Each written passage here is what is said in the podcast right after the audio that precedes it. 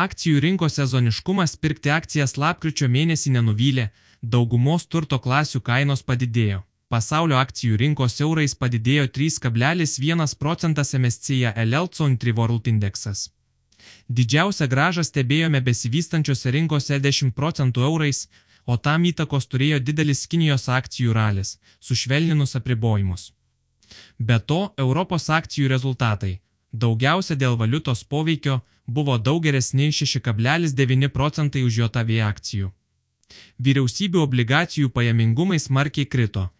JOTV 10 metų trukmės obligacijų pajamingumas sumažėjo 44 baziniais punktais, o Vokietijos 10 metų trukmės obligacijų pajamingumas 21 bazinių punktų. Mėnesio pabaigoje JOTV pajamingumo kreivės dviejų dešimties metų inversija pasiekė 70 bazinių punktų.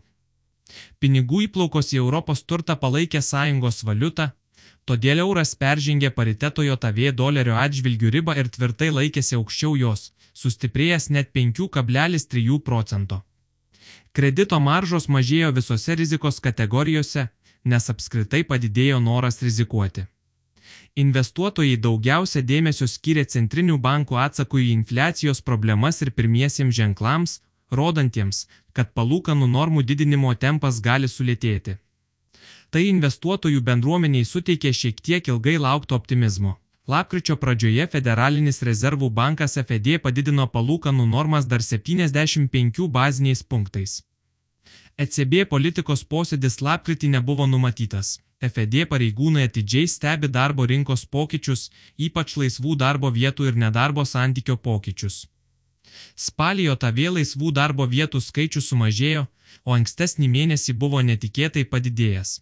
Laisvų darbo vietų ir bedarbių skaičiaus santykis sumažėjo iki 1,7 ir buvo mažiausias per metus.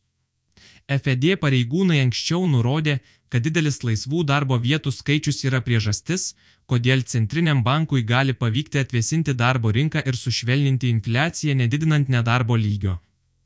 Todėl blogos naujienos tapo geromis naujienomis, ypač obligacijų rinkoms. Lapkričio pabaigoje Jeromes Povelas susiminė, kad FED kitą mėnesį sulėtins palūkanų normų didinimo tempą. Tikimasi, kad gruodžio viduryje palūkanos kils 50 bazinių punktų, po keturių išėlė padidinimų 75 baziniais punktais.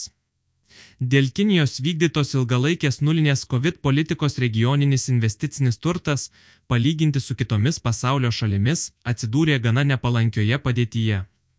Atrodo, kad masiniai socialiniai neramumai, kai tūkstančiai gyventojų išėjo į gatves protestuoti prieš dažnus draudimus, duoda tam tikrų rezultatų.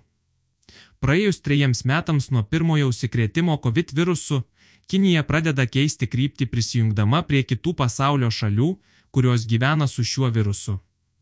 Šie ženklai paskatino euforiją dėl antros pagal dydį pasaulio ekonomikos ir lapkritį stebėjome Kinijos akcijų, įtrauktų į Hongkongo biržos prekybos sąrašus, didžiausią kainų ralį nuo 2003 metų.